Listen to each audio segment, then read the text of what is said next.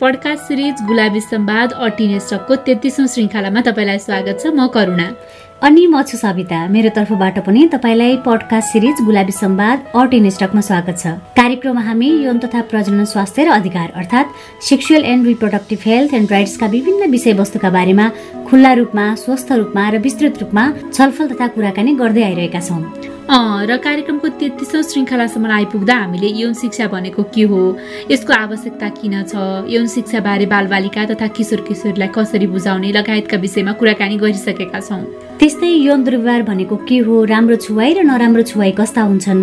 दुर्व्यवहारका विरुद्धमा कसरी कदम चाल्ने भन्ने विषयमा पनि छलफल गर्नुका साथै किशोरावस्थामा प्रवेश गर्दा र गरिसकेपछि आउने विभिन्न परिवर्तनहरू। महिनावारी महिनावारीमा गर्नुपर्ने सरसफाई र योसँग जोडिएका भ्रम तथा अन्धविश्वास हस्तमैथुन यौनिक तथा लैङ्गिक अल्पसङ्ख्यक व्यक्तिले भोग्नुभएका दुर्व्यवहार लगायतका विभिन्न विषयमा हामीले गुलाबी सम्वाद मार्फत कुराकानी गरिसकेका छौँ। र हामीलाई आशा छ कि हामीले कार्यक्रम मार्फत गर्ने यस्ता छलफल तथा कुराकानीले कार्यक्रम सुन्दै गर्नुभएका भाइ बहिनीलाई यौन तथा प्रजनन स्वास्थ्य र अधिकारको बारेमा केही भए पनि उपयोगी कुराहरू सिक्न यो विषयसँग सम्बन्धित आफ्ना समस्या तथा जिज्ञासाहरू समाधान गर्न चाहिँ सहयोग पुगिरहेको छ भनेर।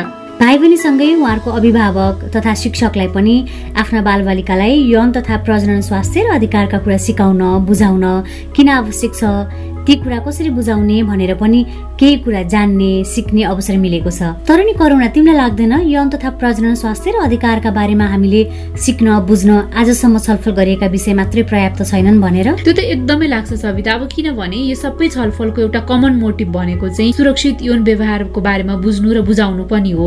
जबसम्म हामीले सुरक्षित यौन व्यवहार भनेको के हो कस्ता व्यवहारहरू चाहिँ सुरक्षित यौन व्यवहारभित्र पर्छन् त्यस्ता व्यवहारको आवश्यकता किन छ भनेर बुझ्न सक्दैनौँ नि। तबसम्म यौन तथा प्रजनन स्वास्थ्य र अधिकारसँग सम्बन्धित छलफल तथा बहस अधुरै हुन्छ जस्तो लाग्छ कि मलाई चाहिँ? एकदमै हो करुणा। कतिलाई चाहिँ के लाग्न सक्छ भने सेफ सेक्स बिहेभियर अर्थात् सुरक्षित यौन व्यवहार भनेको यौन सम्पर्क नगर्नु नै हो। यौन सम्पर्क नगर्ने हो भने आफू सुरक्षित भइन्छ भन्ने गलत धारणा पनि छ। त्यही भएर हामी चाहिँ आज यही विषय अर्थात् सुरक्षित यौन व्यवहार भनेको के हो भन्ने विषयमा नै आजको पडकास्टमा छलफल गर्दैछौँ। यसमा चाहिँ मेरो विचार पनि एकदमै पोजिटिभ छ सविता। बरु तिमीलाई नै सुरुमा सोध्न मन लाग्यो कि मलाई? तिम्रो बुझाइमा सुरक्षित यौन व्यवहार भनेर कस्तो व्यवहारलाई बुझिन्छ? करुणा मेरो विचार भन्ने भन्दा पनि centre for disease control and प्रिभेन्सनले आफ्नो वेबसाइटमा राखेको जानकारी चाहिँ सेयर गर्न मन लाग्यो कि मलाई। त्यहाँ चाहिँ सुरक्षित यौन व्यवहार भन्नाले कन्ट्रासेप्टिभ्स अर्थात् गर्भ नरहने साधन गर्भनिरोधक साधन प्रयोग गरी यौन सम्पर्क गर्ने अझ भन्दा कन्डमको प्रयोग बिनाको यौन सम्पर्कलाई अस्वीकार गर्ने यौन सम्पर्कका लागि एकजना भन्दा बढी पार्टनर नबनाउने वा थोरै पार्टनर मात्र बनाउने भनिएको छ कि? र कतिपयलाई चाहिँ लागिरहेको होला असुरक्षित यौन व्यवहारले चाहिँ के हुन्छ भनेर। यौनजन्य संक्रमण तथा रोगहरू जस्तै कि एचआइभी एड्स भिरिङ्गी क्ल्यामादिया गानोरिया आदिको जोखिम बढ्ने यौनाङ्गमा घाउ आउने महिलाहरूको सन्दर्भमा गर्भाशयमा संक्रमण देखिने तल्लो पेट दुख्ने लगायतका धेरै जोखिमहरू हुन्छ।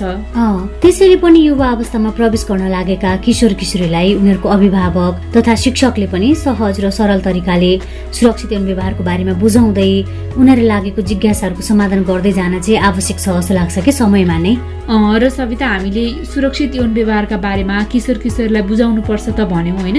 तर कतिजनालाई चाहिँ अब कति धेरै अभिभावक तथा शिक्षक आफैलाई पनि कि यो विषयमा कसरी कन्भर्सेसन सुरु गर्ने होला कसरी उनीहरूलाई बुझाउँदा चाहिँ सही तरिकाले उनीहरूले बुझ्न सक्छन् होला भन्ने जिज्ञासा पनि छ जस्तो लाग्छ कि मलाई। त्यो त एकदमै हो करुणा किनकि यौन स्वास्थ्य प्रजनन अधिकार आदिको विषयमा स्वस्थ छलफल तथा कुराकानी हुन सुरु गरेको नै धेरै नै भएको छैन कि? अझ भन्दा सबै ठाउँमा त कुरा नै हुँदैन होइन। अझै यसमा पनि अब यो विषय त एकदम लाजको विषय हो सङ्कोचको विषय हो भन्ने मान्छेले सोध्छन् होइन। त्यही भएर पनि यस्ता जिज्ञासा चाहिँ स्वाभाविक हुन् कि मेरो विचारमा? त्यो सँगसँगै किशोर किशोरीसँग कसरी सुरक्षित यौन व्यवहारका बारेमा कुराकानी गर्ने भनेर स्ट्यान्डफोर्ड चिल्ड्रेन हेल्थले आफ्नो वेबसाइटमा राखेको गाइडलाइन चाहिँ हामी सेयर गरौँ न त आज। हुन्छ सविता। मैले पनि त्यो गाइडलाइन चाहिँ पढेको थिएँ कि। युवा अवस्थामा प्रवेश गर्न लागेका आफ्ना छोराछोरीसँग उनीहरूले बुझ्ने गरी इमान्दार र शान्त भएर सुरक्षित यौन व्यवहारको बारेमा चाहिँ कुराकानी गर्ने वा अर्को उपाय भनेको चाहिँ उनीहरूसँग सुरक्षित यौन व्यवहारको बारेमा सिधै कुराकानी गर्नुभन्दा पनि कोही वयस्क व्यक्ति अथवा भनौँ कोही पाएको मान्छे वा आफ्नो पार्टनरसँग चाहिँ सुरक्षित यौन व्यवहारको बारेमा कुराकानी गर्ने छलफल गर्ने गर्नुपर्छ जसले गर्दा चाहिँ बालबालिकासँग आफ्ना छोराछोरीसँग चाहिँ यस्ता विषयमा संवाद गर्न अझ सहज हुन्छ। एकदमै हो। त्यो सँगसँगै चाहिँ किशोर किशोरले राखेका जिज्ञासा अथवा उनीहरूलाई भइरहेको समस्यालाई चाहिँ राम्ररी सुन्ने उनीहरूको जिज्ञासा समस्यालाई लिएर जजमेन्टल नहुने अर्थात् अनेक किसिमको धारणा बनाएर उनीहरूलाई नकारात्मक रूपमा नहेर्ने जसले गर्दा युवा अवस्थामा प्रवेश गर्न लागेका आफ्ना छोराछोरीलाई उनीहरूले बुझ्ने गरी सुरक्षित यौन व्यवहारको बारेमा र यसको फाइदाको बारेमा पनि बुझाउन सकिन्छ। यस्तो अभ्यासले उनीहरूलाई आफ्नो पार्टनरप्रति लोयल हुन एकअर्को गोपनीयता यौनिक तथा प्रजनन अधिकारलाई चाहिँ कायम राख्न यौनजन्य सङ्क्रमणको जोखिम कम गर्न यौन यौनिकता यौन व्यवहार यौन सम्पर्कलाई चाहिँ सकारात्मक तरिकाले हेर्न यौन तथा प्रजनन स्वास्थ्यका बारेमा सहज तरिकाले कुरा गर्ने वातावरणको सृजना गर्न पनि उत्तिकै सहयोग पुर्याउँछ। एकदमै। करुणा हामीले सुरक्षित व्यवहारका बारेमा आफूलाई थाहा भएको कुरा त सेयर गरिहाल्यौँ होइन? अब चाहिँ उहाँसँगको कुराकानी नै सुनौ न। नमस्कार मेरो नाम नुमा शर्मा। आज म हजुरहरूलाई सुरक्षित यौन व्यवहारको बारेमा सानो जानकारी दिन गइरहेको छु। सुरक्षित यौन व्यवहार भनेको के हो?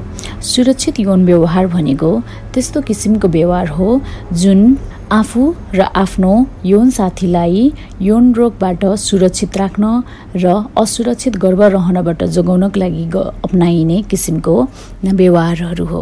यो व्यवहारमा कस्तो व्यवहारहरू पर्छ त भन्दाखेरि चाहिँ जसले चाहिँ यौन सम्पर्कबाट हुन सक्ने जति पनि नराम्रो पक्षहरू हुन्छ त्यस्तोबाट जोगाउने किसिमको व्यवहारहरू गरिन्छ।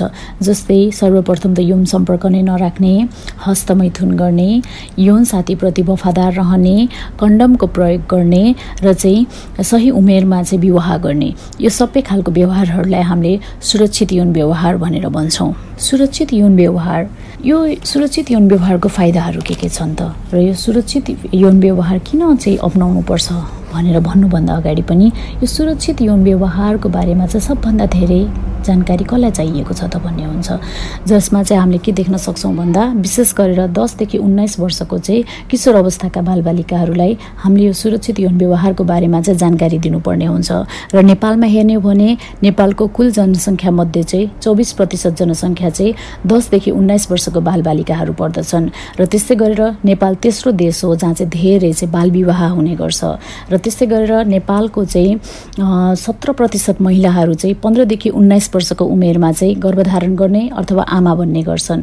र त्यस्तै गरेर चाहिँ जुन किशोर अवस्थामा बिहा भएका दाम्पतिहरू छन् उनीहरूमध्ये जम्मा पन्ध्र प्रतिशतले मात्रै चाहिँ परिवार नियोजनको साधनहरू अप्नाएको देखिन्छ। र यो सबै तथ्याङ्कबाट के थाहा हुन्छ त भन्दाखेरि चाहिँ सुरक्षित यौन व्यवहार अप्नाउन सक्यो र त्यसको बारेमा जानकारी दिन सक्यो भने पक्कै पनि यो तथ्याङ्कलाई चाहिँ हामीले चाहिँ राम्रो तवरबाट चाहिँ देख्न सक्छौँ अथवा चाहिँ राम्रो ठाउँमा पुगेको देख्न सक्छौँ भन्ने कुरा चाहिँ थाहा हुन्छ। र यो सुरक्षित यौन व्यवहारको फाइदा त्यही भएर के छ त भन्दाखेरि चाहिँ यो किशोर अवस्थाबाट नै हामीले यो कुराहरू बारेमा जानकारी दियौँ भने यो सुरक्षित यौन व्यवहारले कुनै पनि यौन रोग लाग्नबाट अथवा एचआइभी एड्सहरू जस्तो भयानक रोगहरू लाग्नबाट जोगाउन सक्छ नचाहिँदो किसिमको गर्भावस्था हुनबाट जोगाउन सक्छ नचाहिँदो किसिमको हिंसाहरू जति पनि हुन्छ किशोर अवस्थामा विशेष गरेर डेटिङको कारणले गर्दाखेरि त्यस्तो खालको हिंसाहरूबाट पनि जोगाउन सकिन्छ। सुरक्षित यौन व्यवहारको बारेमा त हामीलाई थाहा भयो। सुरक्षित यौन व्यवहार अप्नाउँदाखेरि कस्तो किसिमको फाइदाहरू हुन्छ भन्ने कुरा त थाहा भयो। तर अब यो सुरक्षित यौन व्यवहारको लागि चाहिँ अभिभावकले र शिक्षकहरूले चाहिँ कसरी बालबालिकाहरूलाई बुझाउन सकिन्छ त भन्ने कुराहरू आउन सक्छ। यसको लागि कुनै पनि किसिमको एकदमै उसलाई चाहिँ क्लास चाहिँ लिनुपर्ने अथवा चाहिँ उसलाई राखेर सम्झाउनु नै पर्ने बच्चाहरूलाई सिकाउनु पर्ने भने पनि छैन। हाम्रो दैनिक जीवनमा क्रियाकलापबाट पनि हाम्रो झल्किन्छ। हामीले बालबालिकाहरूलाई कस्तो किसिमको शिक्षा दिने त अथवा कस्तो व्यवहार गर्ने त भन्ने कुराबाट पनि हामीले जानकारी दिन सकिन्छ। अब जस्तै अभिभावकलाई हेर्ने हो भने अभिभावकहरूले यो सुरक्षित गर्व यो सुरक्षित यौन व्यवहारको लागि चाहिँ आफ्नो बच्चाहरूलाई चाहिँ उमेर अनुसारको सही सूचनाहरू दिन सकिन्छ। जस्तै अब यदि बच्चाले चाहिँ बुवा म यो संसारमा कसरी आएँ भनेर भन्दाखेरि उसलाई चाहिँ तिमी भगवान्को देन हौ तिमीलाई बाटोमा भेट्टाएको भन्ने खालको जवाफ दिनुभन्दा उसलाई चाहिँ गर्भधारण कसरी हुन्छ त र बच्चा कसरी जन्मिन्छ त भन्ने बारेमा उमेर अनुसारको जानकारी दिन सकिन्छ। र त्यस्तै गरेर अर्को भनेको छ ढिलो यौन सम्पर्क राख्दा हुने फाइदाहरू के के हो त भनेर आफ्नो बालबालिकाहरूलाई त्यसको बारेमा भन्न सकिन्छ। छिटो गर्भधारण गर्दा के हुन्छ? कस्तो खालको खतरा हुन्छ शरीरलाई? र चाहिँ ढिलो गर्दाखेरि के फाइदा हुन्छ भन्ने बारेमा हामीले चाहिँ कुराहरू सन्दर्भ निस्केको बेलामा गऱ्यौँ भने उनीहरूलाई त्यो बारेमा पनि जानकारी हुन्छ। र त्यस्तै गरेर अर्को भनेको उनीहरूको प्रजनन स्वास्थ्यको पक्षहरूमा सम्बन्धी चाहिँ पुरा ज्ञानहरू दिने। यो सबै गरेर चाहिँ हाम्रो अभिभावकले चाहिँ बच्चाहरूलाई चाहिँ सुरक्षित यौन व्यवहारको बारेमा चाहिँ सिकाउन सकिन्छ। त्यस्तै गरेर यदि शिक्षकको तरिकाले हेर्ने हो भने शिक्षकले चाहिँ सकेसम्म स्कुलको सानै सानै स्तरबाट चाहिँ यो सुरक्षित गर्भ यौन व्यवहारको बारेमा चाहिँ जानकारी दिनुपर्ने हुन्छ। त्यस्तै गरेर अब कुनै पनि बालबालिकाहरूले आफ्नो यौन भावनाहरू पोख्यो भने अथवा स्वास्थ्य यौन सम्बन्धी प्रश्नहरू राख्यो भने अथवा चाहिँ यौन सम्पर्क बिनाको चाहिँ यौन सम्बन्ध कसरी राख्ने भन्ने कुराहरू निस्क्यो भने अथवा चाहिँ प्रश्न गर्ने क्षमताहरू वृद्धि गर्नको लागि चाहिँ एकदमै वातावरणहरू सृजना गरिदिनुपर्छ। जसले गर्दाखेरि चाहिँ जति पनि कौतूहलताहरू छ त्यसको बारेमा उनीहरूले चाहिँ सही जानकारीहरू पाउन सक्छन्। र त्यस्तै गरेर अर्को भनेको चाहिँ शिक्षकले चाहिँ यो जति पनि यौन हिंसाहरू हुन्छ त्यसको पहिचान कसरी गर्ने र त्योबाट कसरी जोगाउने भनेको बारेमा हामीले अहिले सुनेको छौँ। गुड टच ब्याड टच राम्रो छुवाई नराम्रो छुवाई भनेर त्यसको बारेमा पनि जानकारी दिन्छ। कहाँ छुँदाखेरि चाहिँ राम्रो मान्ने र कहाँ नछुँदाखेरि चाहिँ नराम्रो मान्ने? कसले छुँदा राम्रो मान्ने कसले छुँदा नराम्रो मान्ने भन्ने बारेमा पनि हामी शिक्षकहरूले चाहिँ जानकारी दिन सक्नुहुन्छ। र चाहिँ अर्को भनेको चाहिँ यस्तो कुनै पनि किसिममा हिंसाहरूमा पऱ्यो भने कस्तो खालको निर्णय लिने त कसलाई गएर भेट्ने त आफ्नो भावना कसरी व्यक्त गर्ने त भन्ने कुराहरू बारेमा पनि यदि शिक्षकहरूले चाहिँ भन्न सक्नुभयो भने सायद किशोर अवस्थामा जति पनि आएको यौन सम्बन्धी जान जागरुकताहरू हुन्छ त्यसको बारेमा चाहिँ बालबालिकाहरूले चाहिँ आफ्नो कुरा खुलेर राख्न सक्छन् होला। यो सबै तरिका तवरबाट चाहिँ अभिभावकले होस् या शिक्षकहरूले चाहिँ बालबालिकाहरूलाई चाहिँ सुरक्षित यौन व्यवहारको बारेमा चाहिँ सम्पूर्ण जानकारीहरू दिन सक्यो भने योबाट चाहिँ किशोर अवस्थामा चाहिँ धेरै नै फाइदाहरू हुन्छ। र यो चाहिँ हामीले जुन बेलामा हुन्छ जुन तरिकाले हुन्छ यो बारेमा जानकारी दिन सक्यो भने उनीहरूको लागि यो फलदायी कुरा हो। धन्यवाद। सुरक्षित यौन व्यवहार यसको आवश्यकता र युवा अवस्थामा प्रवेश गर्न लागेका किशोर किशोरीलाई कसरी यौन व्यवहारको बारेमा बुझाउने भनेर जानकारी गराउनु भएकोमा धेरै धेरै धन्यवाद। उहाँले भन्नुभयो जस्तै सुरक्षित यौन व्यवहारले यौनजन्य संक्रमणको जोखिम कम गर्न अनिश्चित गर्व रोक्न र शारीरिक सँगसँगै मानसिक रूपमा स्वस्थ हुन पनि सहयोग मिल्छ भन्दै आजका लागि पडकास्ट सिरिज गुलाबी सम्वाद अट इनेस्टको तेत्तिसौँ श्रृङ्खलाबाट बिदा माग्ने बेला भइसकेको छ। तपाईँलाई आजको छलफल कस्तो लाग्यो? आफूलाई लागेको कुरा हामीलाई हाम्रो इमेल ठेगाना।